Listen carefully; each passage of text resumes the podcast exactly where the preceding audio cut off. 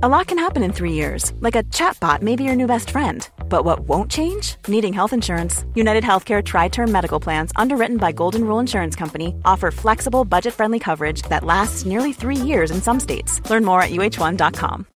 Millions of people have lost weight with personalized plans from Noom, like Evan, who can't stand salads and still lost 50 pounds. Salads, generally, for most people, are the easy button, right? For me, that wasn't an option. I never really was a salad guy. That's just not who I am. But Noom worked for me. Get your personalized plan today at Noom.com.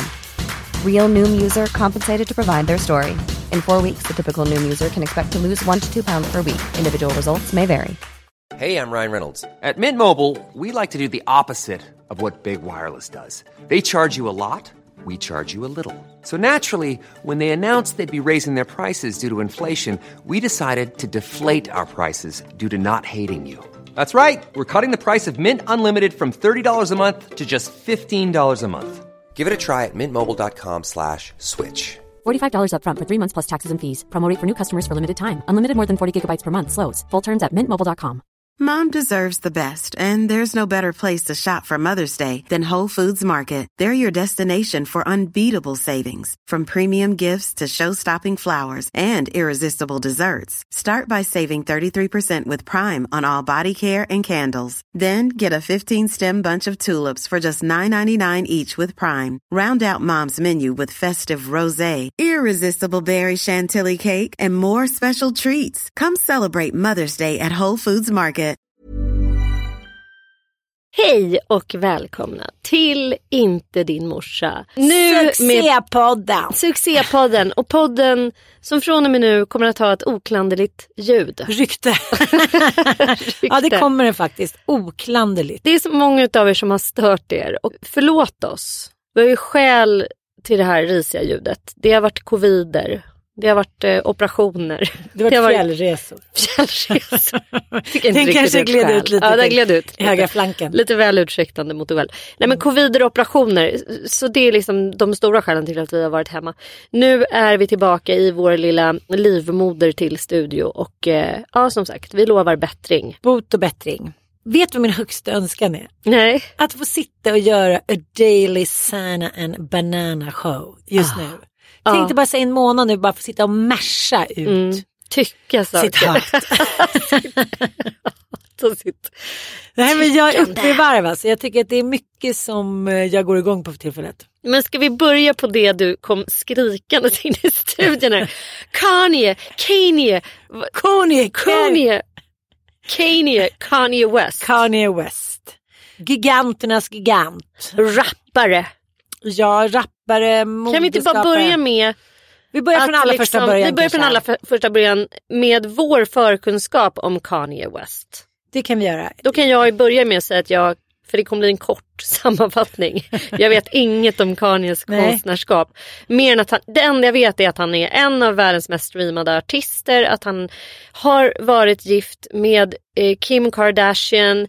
Och att han är, har, nyligen har då, eller hyfsat nyligen gått ut med att han har bipolär sjukdom och Ja. eh, som har ställt till det. Han skulle också kandidera till presidentvalet. Ja, det var Eh, väl inte den märkligaste som har gjort det. Så just Nej, han- det han har i gjort sig mycket. tycker jag inte. Nej. Och sen, jag menar, eh, det finns ju en samlad kritikerkår som hyllar Kanye Wests konstnärskap och eh, han är ju en enormt, eh, vad ska man säga, inflytelserik eh, eh, artist i sitt eh, i sin genre, så kan man väl. Mm. Ja det är vad jag vet ungefär. Vad vet du?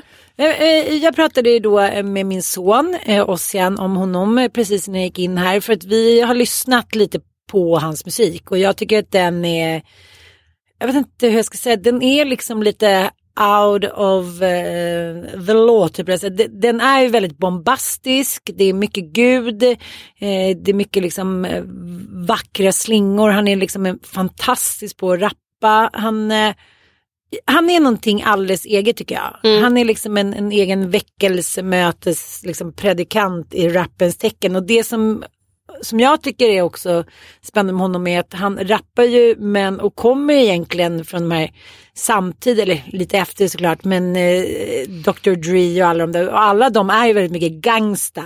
Mm. Fucking shooting. Men, men det är ju inte Kanye, utan han, eh, han sjunger ju om Gud och liksom om familjen och sådär. Sen tycker jag då, om vi nu ska säga, jag tycker han är rätt het. det, Ja. det, det får väl vara en får man verkligen tycka. Det kan också vara ett, sann förlåten. Nej. men det kan ju definitivt vara ett starkt bidragande faktor till framgång. Att man Absolut. är het som kille och som Absolut. tjej. Och liksom det är mycket prat om, om så här, kärleken till hans mamma och det är mycket Donda. känslor. Donda. Donda. Donda. Det var ändå ett tag sedan hon dog. Men när jag verkligen började bli intresserad av honom det var ju faktiskt när han skulle kandidera och det var väl då hans bipolaritet, den har säkert skenat innan men då skenade den ju publikt. Mm. Då twittrade han ju i tid och otid. Han var inne i ett manisk skov, då sover man ju inte så mycket. Mm. Om att eh, ja, men Gud hade sänt meddelanden till honom via datorn och att det ska vara förbjudet med abort. Och Mm. Han anklagade liksom eh, sin frus familj för att vilja ta hans black kids. Det var ju riktigt galet liksom. Och då var det ju väldigt mycket eh, elakheter om honom på nätet. Det var många som delade de här förvirrade men, twittren och eh, uttalanden och han var även med, liksom, det var ju filmsnuttar och liknande. Och det här tycker jag är ganska spännande för då var han helt plötsligt eh, ett skämt och liksom en narr. Mm. Och sen så nästa sekund då så, så är han ett geni så att det verkar finnas, vad ska man säga, det finns mycket kring honom som eh, han, han är väldigt mycket både och liksom. Men, men eh, då kom jag ihåg att jag läste en intressant artikel som jag faktiskt tog upp nu och jag försökte få tag på eh, hon som har skrivit den men såklart lite i sista minuten. Men hon kanske kan vara med någon annan gång. Eh, Tove Lundin heter en tjej. Hon är författare och föreläsare. Hon har skrivit böcker om sin bipolaritet och hon har även ADHD. Mm. Det blev ju tydligt då under den här presidentkampanjen att Kanye, Kanye var inne i ett maniskov och eh, Kim skrev så här, försök att liksom visa lite medmänsklighet och han mår inte bra och, och liksom hitan och ditan. Det här är så konstigt med, med psykisk ohälsa. Om någon på en bild skulle ligga och få ett, ett skov av något annat slag eller ett ep- epilepsianfall eller ligga och bli liksom skjuten till döds eller något sånt där så skulle ju Alltså, det vet ju varenda barnunge att det, sånt här är inte kul att skratta åt. Men, men vuxna människor raljerar. Jag tyckte, jag, tyckte, jag kommer ihåg att jag tyckte att det var jäkligt, jäkligt eh, liksom, hemskt. Och det här har vi kommit in på förut att, att det är en väldigt svår sjukdom och 10 av 10-15 procent tar ju sina liv också på grund av ja, följd av sjukdomen. Liksom. Det är inte ett dugg roligt. Eh, men hon skriver också så här, tro inte att jag är befriad från humor, det är jag, liksom, trots min bipolaritet. Och eh, jag ska bara läsa lite, jag tycker att det är så himla bra. Jag har själv an- använt mig av humor när jag skrivit eller föreläst om sjukdomen. En gång när jag hade en hypomanperiod, en mildare variant av mani, stickade jag 40 mössor och lika många handledsvärmare.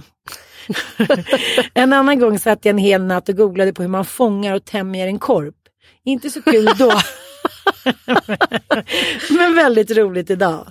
Nyligen satt jag och en nära vän med bipolär sjukdom på min altan. Vi läste en gammal sms-konversation med något från hennes senaste maniska skog. Hon hade precis som Kane- Kanye West förstått hur man räddar världen. Det var uppenbart på sms att jag inte riktigt hängde med hennes resonemang men samtidigt att jag verkligen försökte, både för vår vänskaps skull för att jag vill hålla koll på henne. Hon svarade lugnt när jag frågade, sig, hon förstod ju inte då, eh, Tove. Hon svarade lugnt att Stephen Hawking just hade dött och att det var ett solklart tecken på att hon var på rätt spår. Däremot oroar hon sig över mig som hade dubbelsidig öroninflammation. Du verkar vara jättesjuk, skrev hon följt av en hjärte-emoji. Eh, jag tycker det här, de människor som jag har i min närhet som är bipolära, jag tycker att det beskriver väldigt bra. Mm. Om någon av er har varit liksom nära en människa i ett bipolärt skov så får man hålla i hatten alltså. Mm. Det går ju väldigt, väldigt fort och jag förstår van Gogh att det var ett öra som åkte av. det är liksom, helt plötsligt är personen borta både i tankar och liksom fysiskt, i fysisk form. Så Men sen ska vi också säga att det har jag Alltså jag, nu, vi har ju pratat om Diagnosens makt eh, tidigare. Diagnosens makt är ju en bok som ingår som kurslitteratur i vår utbildning. Och den är ju en, eh, antologi. Alltså det är en samling texter och essäer av ett gäng olika typer av forskare. Det är psykologer, det är vetenskapsteoretiker, det är en sociolog och det, det är liksom, eh, ja och våran älskade Karin Johannisson också. Som, eh, där alla då resonerar kring vårt ökande diagnostiserande i samhället. Det är kortfattat vad boken går ut på. Att liksom så här, är det här bra eller dåligt och vad finns det för risker med att vi diagnostiserar människor i högre utsträckning. Och de pekar på en väldigt viktig vändpunkt mm. i historien som jag faktiskt hade noll koll på. Att 1982 så kommer eh, den amerikanska då psykiatrin Amerikanska psykiatriförbundets diagnosmanual 3 kommer ut då. Eller om det är ja, 3. Och den diagnosmanualen utgår bara från symptom. Mm. Till skillnad från de tidigare diagnosmanualerna där man utgick också från orsak. Men helt plötsligt så beskriver man bara olika typer av psykiatriska symptom skiter i orsaken och det gör att man helt plötsligt kan diagnostisera otroligt många fler. Och dessutom så är man väldigt tydlig med vad som är normalt och vad som är onormalt. Och i psykiatrins historia så har man dessförinnan aktat sig för det. Därför att det som är normalt i en kulturell kontext är onormalt i en annan kulturell kontext. Och dessutom så är ju till exempel då ett maniskt skov det är ingenting som sker från den ena dagen till den andra. Och det är någonting som är väldigt smygande och du kan ju mm. vara mer eller mindre manisk. Du kan vara hypoman, du kan vara manisk. Det finns ju liksom en enorm eh, skala och det gäller ju även psykotiska personer. Vi har ju idéer om att psykotiska människor springer runt och ser liksom gröna monster som inte finns men du kan liksom ha psykoser som, le- som ligger väldigt nära eh, verkligheten. Typ att du börjar tro att du kommunicerar med kända människor genom Instagram mm. för att de har på sig vissa färger på tröjan som du mm. också hade. Mm. Eller vanföreställningar versus psykoser. Så det är glidande och det, och, och det tycker jag var så jävla spännande för att vi har så mycket okunskap vad liksom eh, psykotiska tillstånd och också manier och hypomanier är. Och jag kan ju se tydligt att det finns ju människor som har hypomana tendenser utan att vara sjuka. Men alltså det här mentala besattheten vid att typ tämja korpar. Du vet att det pågår just nu i detta nu ett projekt vid Södertälje Science Center som har nu blivit väldigt kritiserat. Där är ett gäng studenter som har kommit på den briljanta idén att tämja kråkor. Jaha. Och att kråkorna ska bli fimpplockare. Alltså gode Jag tar vad han har tagit. Eller vadå? Nej, men och det här är ju så här, det var ett stort inslag i P4 om det igår för då är det ju då olika ja, men så här, djurskyddsmänniskor som är så här, men hallå vilken urusel idé. Med all rätt. Alltså med all rätt, jättedum idé att lära fåglar att plocka upp typ giftiga avfall. Körsbär vore ju bra men så här, ta en sån här fimpa, gud vad elakt. Mm, jätteelakt men samtidigt också så här, var det liksom en student som som så hade fått en, ett maniskt skov på Södertälje Science Center och bara suttit upp en hel natt och eh, eh, kommit på att man ska tämja kråkor. Ja, jag de hade inte fått något bidrag? Jo, eller? jo, alltså det här var ett pågående projekt som då hade fått bidrag och sådär. Men förstår du lite vad jag är inne på? Att så här, när man tippar över till att det blir sjukt, mm. när sker det? Mm. Och när det gäller en sån person som Kanye West så har han gjort liksom mycket galna grejer. Men egenskap av, av, av konstnär,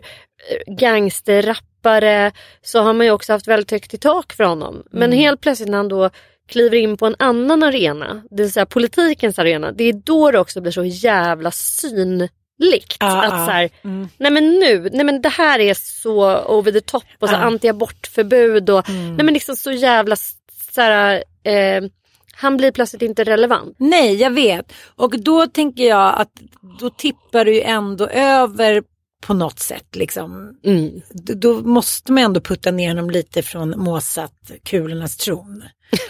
Men det som, som många också har påpekat är också att han beter sig inte annorlunda än vilken jävla manlig förövare som helst. Nej men och det, som... vi kanske ska eh, komma fram till det som har varit liksom, eh, veckans bass om man ja. ska säga när det gäller honom och det är att han är ju, han är ju frekvent eh, förekommande på både Twitter och Instagram. Och på Instagram har han ju då gått ut med, ja vad är det han har skrivit om? Ja men eh, han vill ju ha tillbaka Kim, han vill ju bli Mm. en familj igen. Ja och han har hållit på och kört någon slags eh, hotvals då mot Kims dejt. Ja. Hon dejtar ju numera en komiker som är bra mycket yngre än henne. Och, Precis. eh, och där ska det då ha, ha skett någon typ av offentlig korrespondens dem emellan. Där Mm. Kanye beter sig som vilken, som sagt, eh, skabbig, eh, typ lämnad snubbe som helst. Mm. Och det här är ju också väldigt ovanligt att, att killar gråter och härjar och skriker och jag vill ha dig tillbaka och beter sig som en hysterika inom liksom, vad ska man säga, historisk bemärkelse. Så dels är det ju så här, alltså allting sker ju också inför öppen ridå och när man är så här stor som både Kim och Kanye är så har man ju också såklart väldigt många fiender som tycker att det är väldigt spännande att berätta om allting som händer på gott och ont liksom. Eh, men väldigt intressant för publiken. Och jag måste återkomma till det här att han men han är, liksom, är ju på hennes nya snubbe, han, liksom, han kräver henne tillbaka. Han liksom på något sätt låter henne inte leva sitt eget liv även fast han vet att loppet är kört. Hon kommer aldrig vilja ha tillbaka honom. Liksom, det, det har runnit för mycket skit liksom, mellan toaletterna.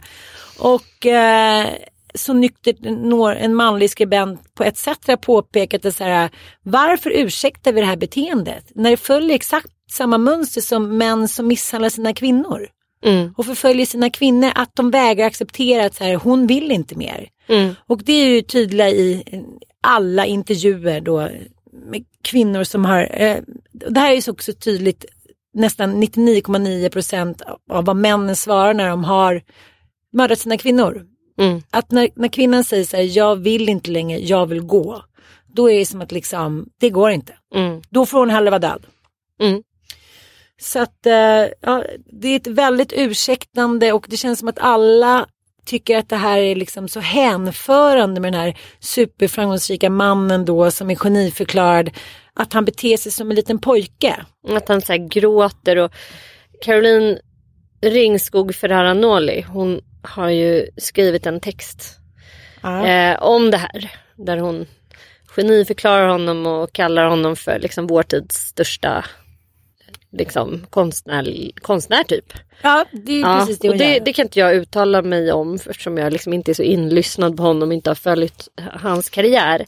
Men jag tycker återigen att det är så jävla märkligt att man inte kan skilja på två spår. Att så här, ja han kan väl ha en enorm kapacitet konstnärsmässigt och ha tillgång till liksom konstnärliga kanaler och sin talang. Men det behöver inte ursäkta att man beter sig som ett as mot sitt ex. Eh, tänker jag. Och så här, jag förstår inte att vi har så svårt att hålla två trådar. Eh, liksom, och att så här, manliga genier per definition eh, genom århundrande. Och det är också det att så här, när han i egenskap av artist hoar runt om Gud och liksom så här, eh, har då typ ett bipolärt skov. Då är det ingen som tar notis om det.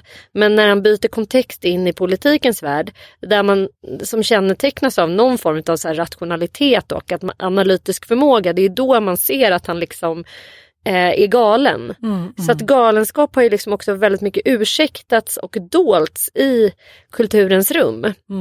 På gott och ont, att det har varit en fristad för människor som tänker och resonerar annorlunda. Men också en fristad för jävligt mycket våld. Och det är väl det metoo har handlat väldigt mycket om. att så här, nej men gud, måste man liksom, måste man vara eh, i lidande för att skapa? Måste man ha tillgång till, alltså vara i ett öppet sår hela tiden för att få tillgång till det där allra mest konstnärligt geniala? Och, och det där verkar ju vara två läger. Alltså vissa verkar ju fortfarande tycka att den bästa myllan för konstnärligt skapande och eh, poesi är det öppna såret. Och andra hävdar att det går alltså utmärkt att skapa utan att så här, vara vid sinnessjukdomens rand konstant. Men jag tänker också att det där är ett högst personligt val. Jag tänker, eh, ja, men ta till exempel som en författare som Jan Guillou. Mm. Nu kanske inte han anses Kvalar in. på kvala så in som vår tids Mozart. Men han är Inte ändå... vinna Nobelpriset kanske men Nej, men han är ändå så här en erkänt bra författare, liksom intellektuell, smart, han har sålt liksom miljontals böcker.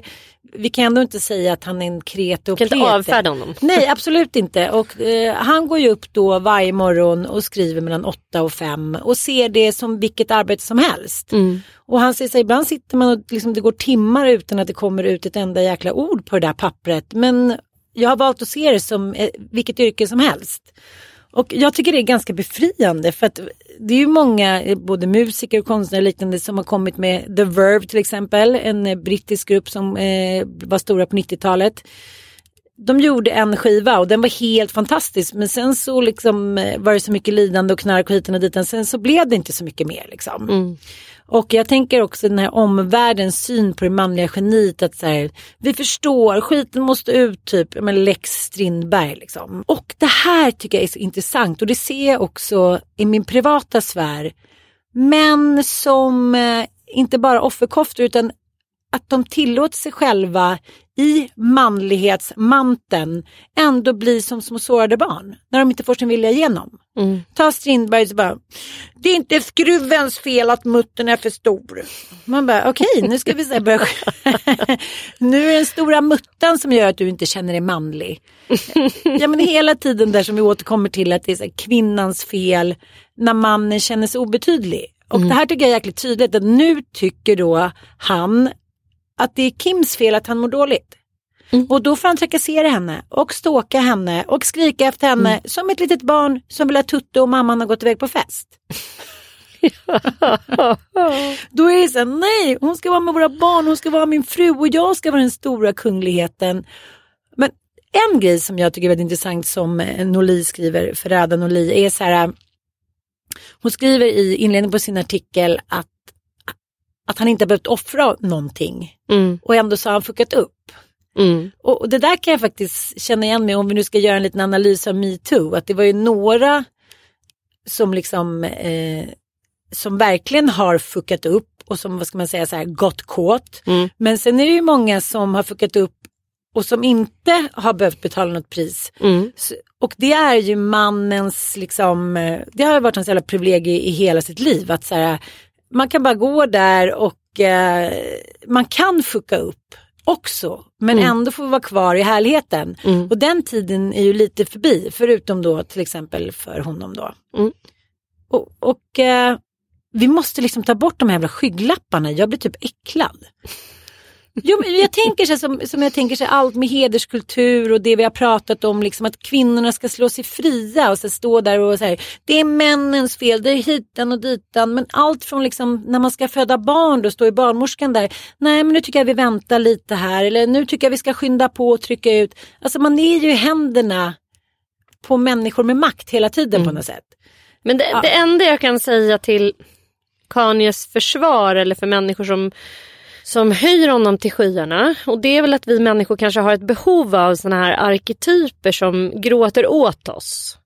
Alltså som gråterskor liksom. Att vi behöver, alltså så har ju romerska gudar fungerat i alla tider liksom. Att så här, det är en extrem våldsam Odin. Och det betyder, eller liksom, nu, nu är inte det en romersk gud men en, alltså våra, våra asagudar har haft samma funktion. Att liksom, de skriker, de bråkar, de har ihjäl varandra, de mördar. Det är liksom väldigt så arketypiska De uttryck. De krökar, de är gränslösa på massor med olika sätt.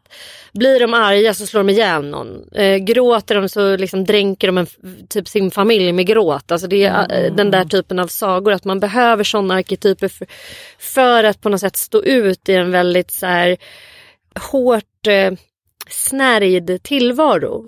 För allas, vi lever ju så jävla normstyrt våra liv. Även om vi kan tro att vi är fria att välja vad vi vill så är vi ju inte det liksom. Utan vi styrs ju jättemycket av samhällets normer och eh, vi i västvärlden inbillar väl oss kanske allra mest att vi lever med helt fri vilja och fria val. Men det räcker ju med att en person väljer att sätta på sig en en slöja för att alla ska tycka att det är helt sjukt. liksom. Där kan man ju se att en person som Kanye West har en funktion, att han är liksom allestädes, han är svartsjuk och då är det galenskap. Liksom. och, och att vi behöver ha såna där att tokar eller eh, Levande personer, gudar, ja, levande gudar. Alltså sådana som moderna typ gudar på något sätt. Jo jag fattar men, men Eftersom vi inte har några gudar längre så Jo, får men- de en sån. Att allt också är möjligt. Att det är så här, det är också någonting väldigt absurt med den här människan som, han är väl också ett så levande exempel på den här amerikanska drömmen. Att så här, det går att ta sig från, från ingenting. Mamma Donda. ja, mamma Donda brinner in i något hus eller vad det är och han har ingen farsa och han liksom och det, alla de här rapparna är ju också, eh, ja men för alla någon slags så här kan han så kan jag och alla de här basketstjärnorna också för att sanningen är ju att i det amerikanska samhället finns ingenstans typ på hela jorden som det är så svårt att göra en klassresa som i USA. Så alla de här exemplen som finns är ju extrema undantag. Som, Dr Dre. ja, nej, men liksom, de får det ju kännas som att det är en möjlighet. Liksom. Jag fattar, det är, Fast inte det det, att, det är inte det att jag inte känner så här, äh, jag älskar honom. Alltså jag, kan, jag kan titta på honom och känna så här, jag förstår hela grejen. Men, men allt från så danska galna kungar där folk har spelat med så här, ingen fara. Det är aldrig någon som har tänkt på att Kanye West kanske behöver en förmyndare. det är det jag menar. Det är så här, Nej, nej, nej, men han har så mycket pengar, han har så mycket makt. Det finns ingen farsa, det är inte så att Donda ska gå in och bli hans förmyndare och se till att han inte går ut på kvällarna och se till att han inte skapar barn och sånt. Ja, för, för vad är egentligen för skillnad med att så här, men, eh, att Kanye går omkring eh, på senaste bilderna han står i Paris och liknande, han är på så här stora modevisningar, så står han med liksom rånarluva där man bara ser typ hans nästipp och så står det så här modeskaparna bredvid så här, låtsas inte om någonting, låtsas inte om att det här är galenskap liksom. Medan till exempel Britney Spears rakar av sig håret och bryter ihop för att hon inte får Gråter för att träffa hon får sina träffa barn. sina barn. Då är det bara här, okej, ah, förmyndare. Ja, 14 års förmyndarskap. Mm. Du får inte ligga, du är instängd, du får inte gå på kröken. Du får inte ha bla, din egen bla. mobiltelefon, du får inte kommunicera med din omvärld. Alltså det är så, det är, Ja. Där har vi en extrem tydlig skillnad i liksom hur galna kvinnor behandlas versus galna Ja. män. Och jag vill så gärna vara honom för att det är så jävla skönt att ingen ser honom som ett offer.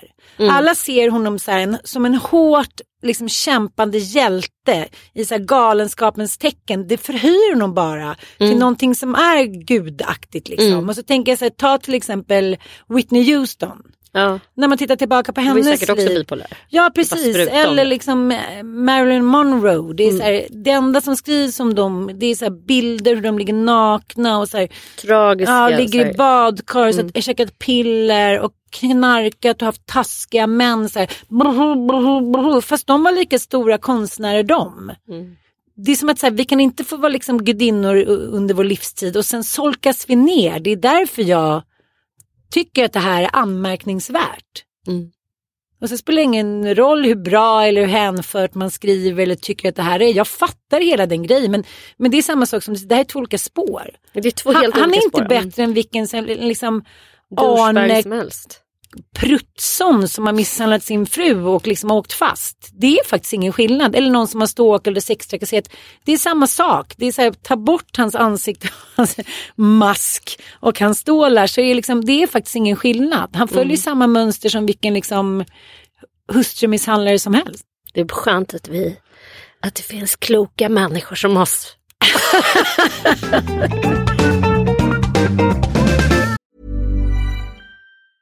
If you thought the only way to get a more defined jawline with natural looking results was through surgery, think again. Juvederm Volux XC is a non surgical injectable gel filler that improves moderate to severe loss of jawline definition and can help you achieve natural looking results with little downtime. Even better, this improved definition lasts up to one year with optimal treatment. No maintenance required. Improve jawline definition for a smooth, sculpted look with Juvederm Volux XC. For important safety information and to find a licensed specialist, visit juvederm.com. That's J U V E D E R M.com. Not for people with severe allergic reactions, allergies to lidocaine, or the proteins used in Juvederm. Common side effects include injection site redness, swelling, pain, tenderness, firmness, lumps, bumps, bruising, discoloration, or itching. There's a risk of unintentional injection into a blood vessel, which can cause vision abnormalities, blindness, stroke, temporary scabs, or scarring. Talk to a licensed specialist to find out if it's right for you.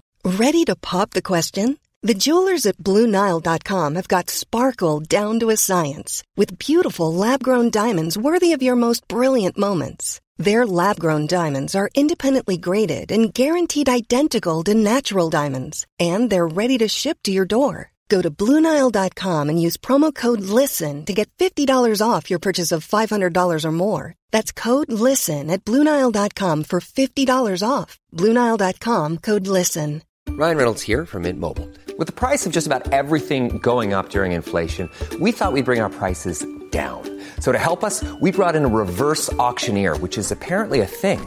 Mint Mobile unlimited premium wireless. Ready to get 30, 30, bit to get 30, bit to get 20, 20, 20, bit to get 20, 20, bit to get 15, 15, 15, 15 just 15 bucks a month. So, Give it a try at mintmobile.com slash switch. $45 upfront for three months plus taxes and fees. Promo rate for new customers for limited time. Unlimited more than 40 gigabytes per month. Slows. Full terms at mintmobile.com. Hey, it's Ryan Reynolds, and I'm here with Keith, co-star of my upcoming film, If, only in theaters May 17th. Do you want to tell people the big news? All right, I'll do it. Sign up now and you'll get unlimited for $15 a month in six months of Paramount Plus Essential Plan on us. Mintmobile.com slash switch. Upfront payment of $45 equivalent to $15 per month. Unlimited over 40 gigabytes per month. Face lower speeds. Videos at 480p. Active Mint customers by 531.24 get six months of Paramount Plus Essential Plan. Auto renews after six months. Offer ends May 31st, 2024. Separate Paramount Plus registration required. Terms and conditions apply if rated PG. Ja, och jag har ju liksom... Det är väl bra så. Ett helt avsnitt om Kanye. Nej, vi ska gå vidare i den svenska myllan. I svenska Instagram-myllan.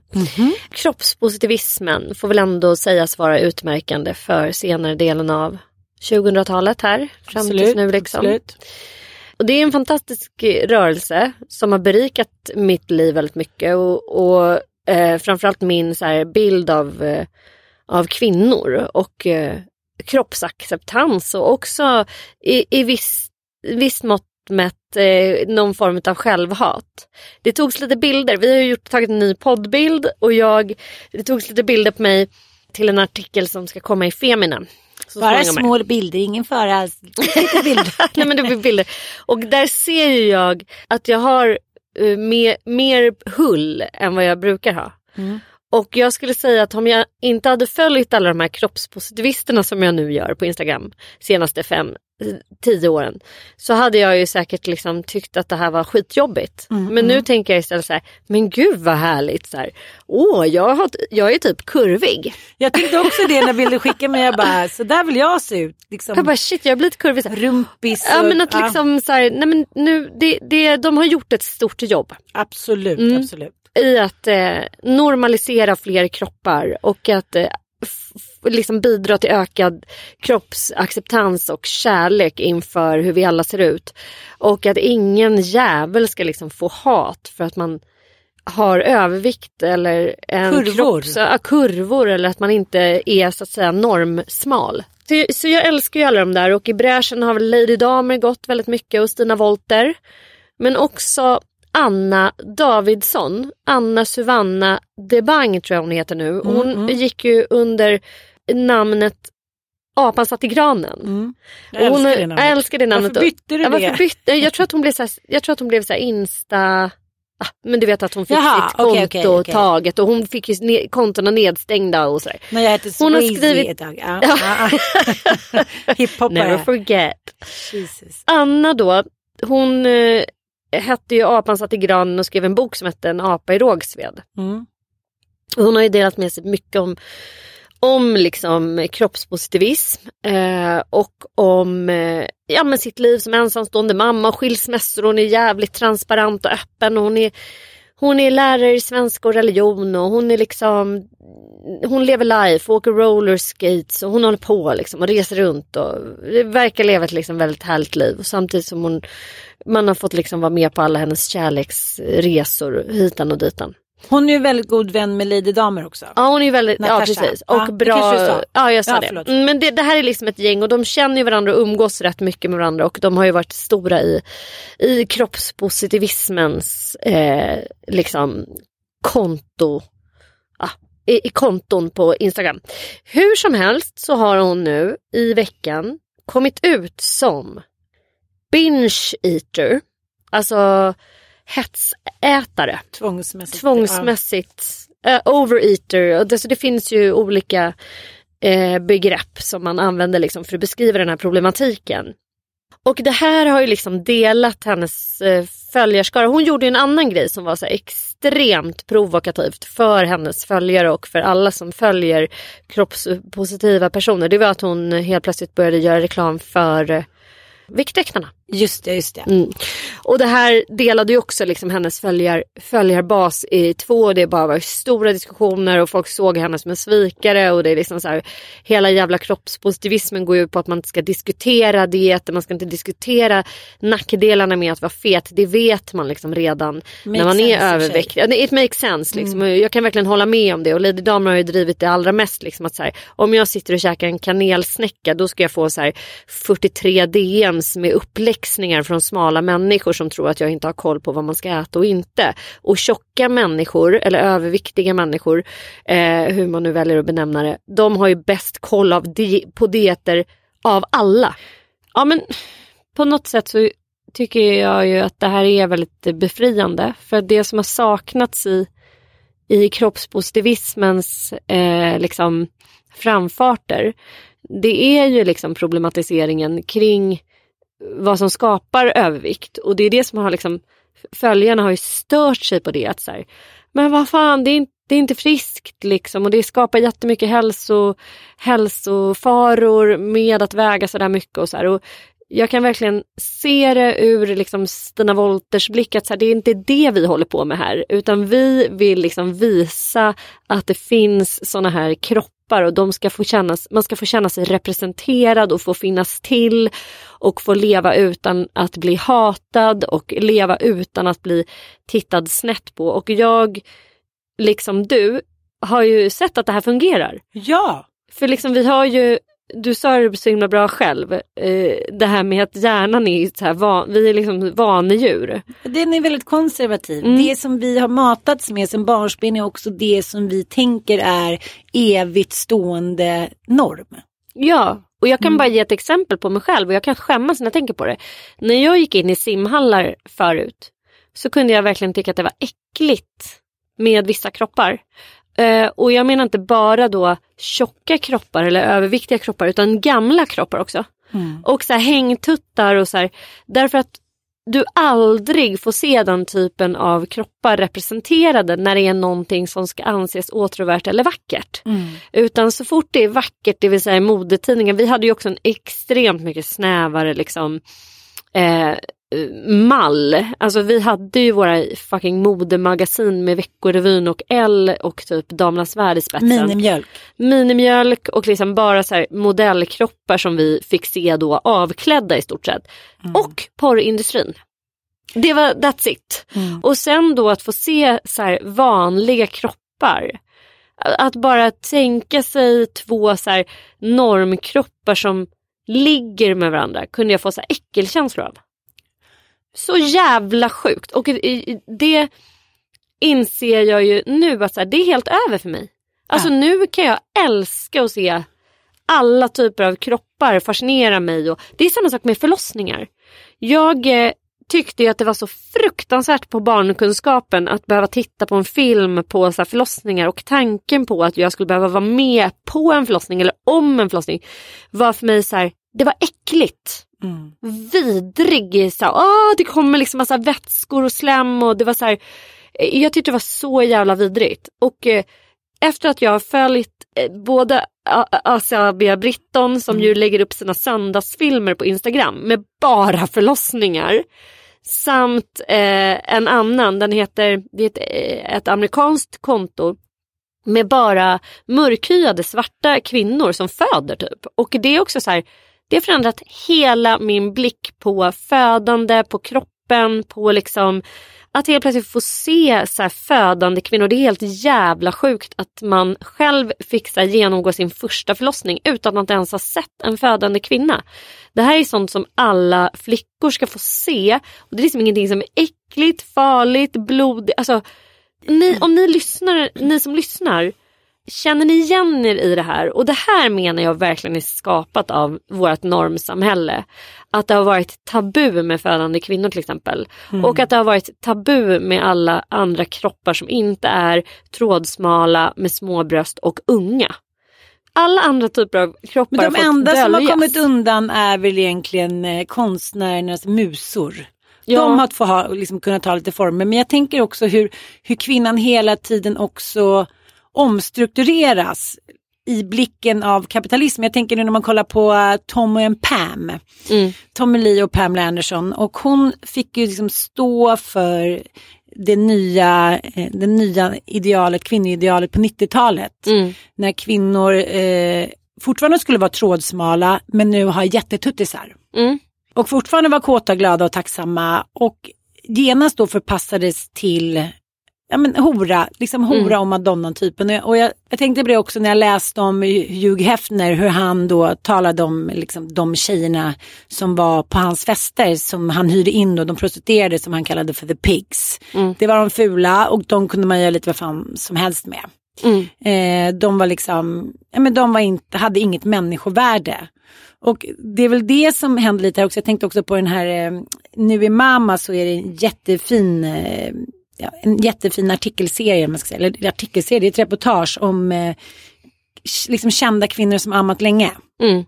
Vilket också har varit ett otroligt, Otroligt tabu. Alltså man har tyckt det har varit äckligt Ja. med så långtidsammande barn. Och, och det där har jag också känt. Som, Mm. som för tio år sedan, då, kunde ju liksom, då var det debatter om så här, skyll dig, sitt inte, jag spyr när jag sitter och äter.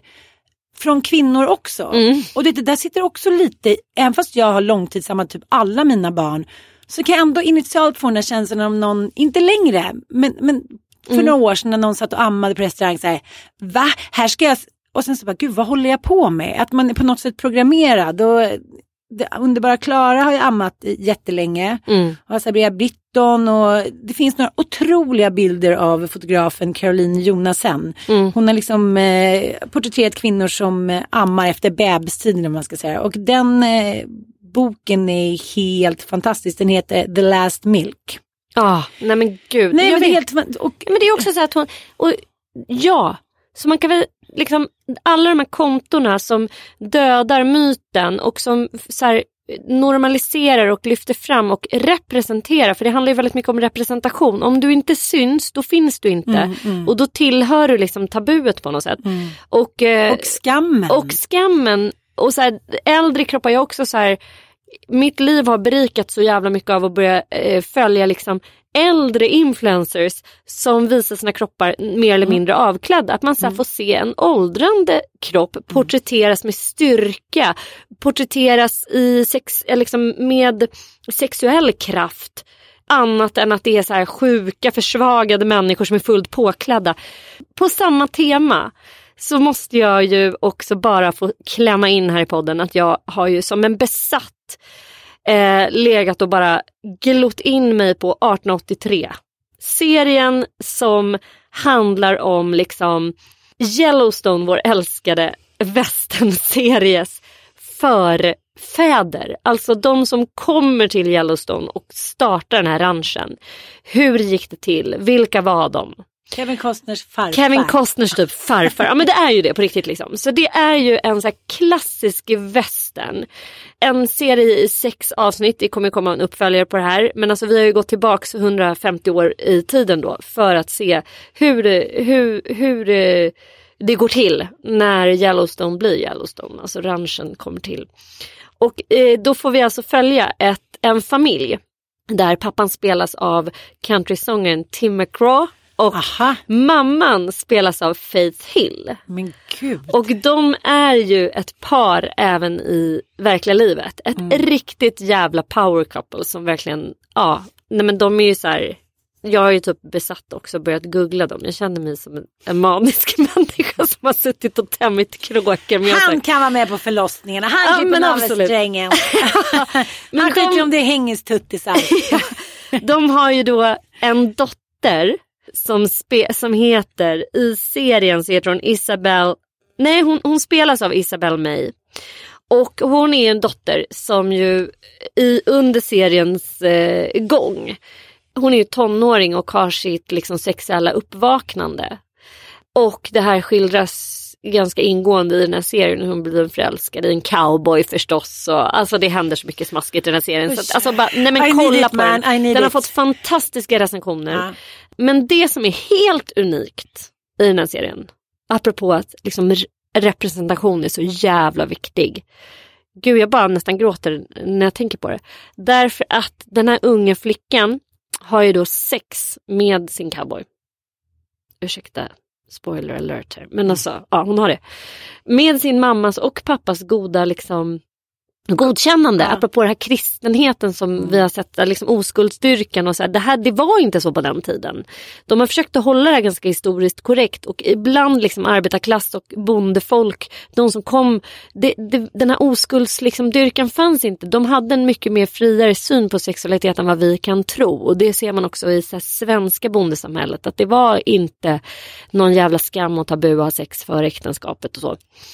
Utan de hade en ganska så här sund syn på det Den där. klassiska efter, Mm. efterkonstruktionen, Ja. viskleken. Ja, Mm. och hon får också mens.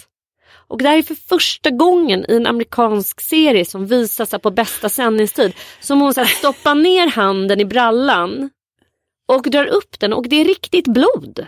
Mm. För då ska de då visa att hon inte har blivit gravid av det här knullet. Och liksom Jag fattar, så. jag fattar, jag fattar. Ja, men hur som helst, jag tycker att eh, det är på sin plats att man kan liksom lyfta två problem samtidigt. Man kan eh, ägna sig åt att representera den tjocka kroppen med vackra bilder samtidigt som man berättar om sitt matmissbruk. Eh, det ska inte ge upphov till varken förvirring eller till att människor känner sig kränkta och ledsna eller att hon på något sätt då skulle förpesta tillvaron för kroppspositivisterna. För det är en sanning för många som bär på övervikt att man har ett matmissbruk och det här är också en, vad ska man säga, en del av mänskligheten som behöver representation. För att eh, matmissbruk är jättevanligt och det är, en, det är liksom ett missbruk som är så jävla skämmigt och det är någonting som det tar så jävla mycket emot att eh, arbeta med därför att det är så här, men gud, vadå kan du inte kontrollera vad du äter? Mm. Hela vårt samhälle handlar ju om att hålla diet. Att Ha kontroll josa. över, sina, över sin lättja. Mm, att liksom, frosseri. Ja. Ja, att kontrollera maten är Mm. kanske vårt, vad ska man säga, decennies eh, så här, största bedrift. Mm. Att lyckas liksom slimma sig själv, kontrollera sig själv, banta ner sig ett kilo hit eller ett kilo dit. Och att liksom äta sig frisk och hela den här jävla rörelsen också som går ut på att vad heter det, inte de som håller på med microdosing och sånt också. Att man ska här, stoppa i sig optimal näring och antiinflammatorisk mat och ja men allt sånt. Ko- kontroll på något sätt. Så att erkänna att man har noll fucking kontroll över sitt matintag och eh, måste typ proppa i sig minst en semla om dagen eh, för att mildra någon form av ångest. Jag tycker det är sjukt jävla modigt av henne att göra Heja. det. Heja, heja, Heja, heja. Och för alla ni, ni som vill följa henne och känner igen er i det här och som vill följa hennes resa så heter hon alltså numera Anna Suvanna de Bang. Apan satt i granen blev ju då avstängt på något sätt. Så följ henne på Instagram om ni eh, liksom vi tycker att det här är en moderesa. Okej, då ska vi eh, knyta ihop den här eh, lilla säcken med Kanui, Kanui på toppen av eh, det bipolära eh, berget. Och eh, då måste vi ju faktiskt också gräva lite i våra egna erfarenheter. För att jag kan ju göra en liten utifrån analys och det kan säkert du också göra. Du som lever med Micke Persbrandt som faktiskt läste här, häromdagen har, är den som har gjort mest filmer i Sverige. Och också på något sätt eh, har varit precis som eh, Han har ursäktats. han har hel del. ursäktat och han har fuckat upp men ändå fått vara kvar. Och eh, nu tänker jag att det kanske har varit även min räddning och även Mickes räddning att det inte fanns sociala medier när vi var väldigt unga. Mm. För, för vem vet vad man har hittat på då? Ja men du vet, första fyllan, eh, ja, men bipolära, liksom, eh, vad ska man säga, skov och liknande. Men kan du känna igen dig i det att du själv på något sätt har eh, idealiserat honom för att omvärlden också har gjort det? Så här, vår bästa skådis, vår enda cowboy, vår superstjärna. Han, han har blivit ursäktad men också fått bära hundhuvudet. Det ska man inte heller glömma. Han blev avskedad från Dramaten till exempel. Eh, har hamnat i kylan flera gånger. Ja, du kan väl berätta själv. Hur tänker du kring det liksom? Nej, men jag tycker att det finns ett väldigt, alltså där har vi ändå som jag har fått leva för, snart 44 år på det här jordklotet så har man ju verkligen kunnat, eh, vi har ju varit med om ett paradigmskifte som det mm. så fint heter. Att liksom, när man tidigare då har, har okejat mansgriseri i egenskap av liksom konstnärer och omhuldat eh, sådana som Bergman och Strindberg. Och, alltså på något sätt så är det som att så här, konstnärsyrket eh, där skådespeleriet också har ingått. Eh, Tommy Berggren måste vi ha med också. Men ja, och att det har varit så här grönt ljus att bete sig Sportkillar. Då. Sportkillar också. Alltså vissa typer av yrken har haft haft carte eh, blanche, carte blanche att eh, eh, få då eh, bete sig mer eller mindre då. Men handlar inte väldigt mycket om att de har förhöjt alltså, vår vardag med fläsk och potatis till någonting annat samtidigt som vi har kunnat identifiera oss med dem? Jo, men vi verkar ju ha ett enormt behov av moderna då som romerska eller asagudar, det vill säga människor som lever i en annan verklighet fast ändå väldigt lik vår. Mm. De känner dubbelt så mycket. De har carte blanche att bete sig gränslöst. När de är svartsjuka så liksom, då är det smasken svartsjuka och då är de mm. svartsjuka för hela jävla svenska folket. Och när de, de skiljer sig, ja, super, mjöden ja, mjöden liksom bara. det, det ligger någonting i det liksom att vi älskar ju the excessive people liksom. Och man halvgudarna. Älskar, ja, halvgudarna Hjälten. som får bete sig mm. som alla vi andra önskar att vi fick på något sätt mm. ibland. Och det här ansvarsbefriade och apropå att kvinnor har haft en snäv ram så skulle jag väl säga att mänskligheten har ett jävligt snäv ram. Kapitalismen har ju verkligen snärjt oss med liksom arbetstider och att vi ska vara den här produktiva jämnproducerande personen som inte liksom kan fucka upp och ligga och gråta för att frugan har lämnat den. Liksom. Mm, mm. det, är ingen, det är ingen fabriksarbetare i Borås. Som, nej, och det, är liksom, det finns ingen möjlighet att få, mm. få hålla på så. Och vem ska trösta en liksom? Ja, vem fan ska trösta ja. en? Det är också den stora frågan. Liksom. Mm. Sen kan jag ju också se på så här, Kanye West, liksom, jag tror inte att Kim Kardashian skulle ha blivit så upplyft av Caroline Ferrara Nolis text om Kanye och liksom kontentan av henne det är liksom att här, han, han lever väldigt mycket som ett barn och han har ju berättat i någon intervju att liksom när han skriver sina texter och det blir som allra bäst innan han går in i så barnperspektiv liksom typ. Eh, och så gör, gör han någon parallell men jag tror inte att Kim skulle bli lika upplyft som flera av hennes läsare blev som har delat den här texten flitigt och i sociala medier. Mm. I alla fall i min bekantskapskrets tycker jag att den är genial liksom och, och så. Men hon skulle nog bli jävligt provocerad av den.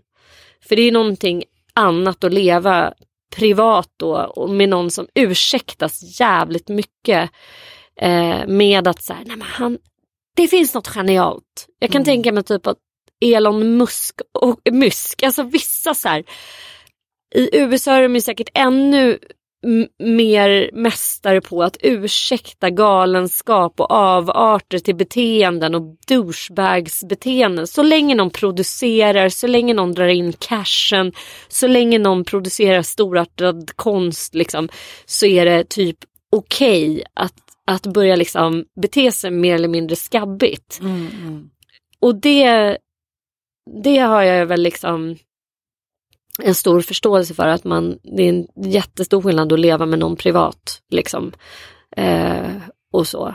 Men jag skulle inte säga att jag själv var liksom okej okay att, Micke sa till mig för vi satt och snackade för några veckor sedan, jag går i min an, vi går i vår anhörigutbildning och han är så här, ja det här med medberoende, så här, på ett sätt eh, Sanna så tycker jag att du kanske är en av de minst medberoende personerna jag har träffat, sa han då. Jag bara, eh, vad fan menar karln?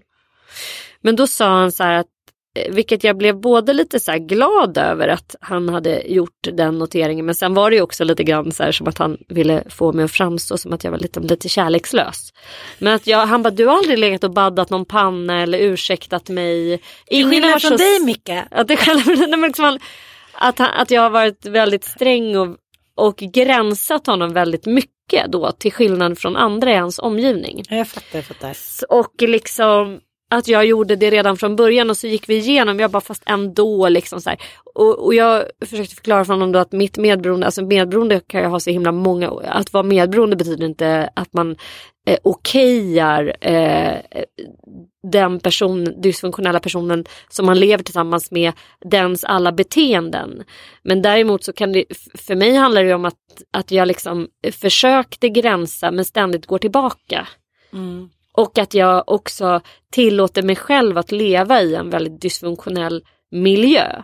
Även om jag säger nej så är jag ändå kvar i den. Ja, ja. Eh, varför då? I liksom ganska många år utan att ta mig ur det och så här, försöka gränsa men inte liksom ändå lyckas ta mig därifrån. Och sen som sagt att jag eh, har så noll koll på mina egna behov och eh, mentalt besatt av att försöka gränsa och göra en annan människa frisk. Eh, även om jag då inte gjorde det med så här allmosor och, och baddningar i pannan och kärlek och så, så försök, var jag ju ändå precis lika mentalt besatt av att få honom att ändra sig. Mm. Fast med liksom hot, straff, utskällningar och så vidare. Liksom. Och det, det betyder ju Men är inte, inte, liksom inte det som är, är inte det som är liksom hela essensen av att Kim inte har gjort det. Hon har inte stannat, hon har inte baddat, hon har visat medmänsklighet och medkänsla men sagt att så här, det här har gått för långt. Mm. Jag kan inte ta tillbaka dig. Fast hon levde ju med honom i ganska många år. Väldigt många år. Jo, och men, ursäkta, men, det, det är en, men det är inte därför det är han är ursäktad. Det är därför han är ursäktad, för att hon har vänt, modern har vänt sin blick från den stackars övergivna pojken. Jag vet inte, jag tänker så att din pappa blir ju försvarad liksom, eh, av alla sina fans och alla som älskar honom. Alla liksom, litteraturkritiker. Det är så öppet sår och han är så ärlig hit och dit och, och de älskar honom, de försvarar honom liksom till dödedagar. Och så tänker jag en kvinnlig eh, dito. Men det är ju samma sak som med Ronaldo. Att man är så här, Ronaldo är världens bästa fotbollsspelare, då kan han inte ha mm. våldtagit den här kvinnan. Mm. Jag tror bara återigen att det handlar om människans oförmåga att kunna hålla två spår i huvudet samtidigt och, och, och att kunna gå med på att man kan vara helt jävla fabulös och fasansfull på samma gång. Mm. Och att de flesta människor är det. Mm. Alltså alla har karaktärsdefekter, precis som att alla har talanger. Och när man har en extraordinär talang så har man oftast en extraordinär defekt. Mm. Eh, det var en kille som skrev på Facebook och jag tycker det fan, fanns någon sanning i det. Det var någon som delade det som en så här liten cheesy film. Så här, så här, dagens quotes, du vet sådana där som folk bara älskar att dela.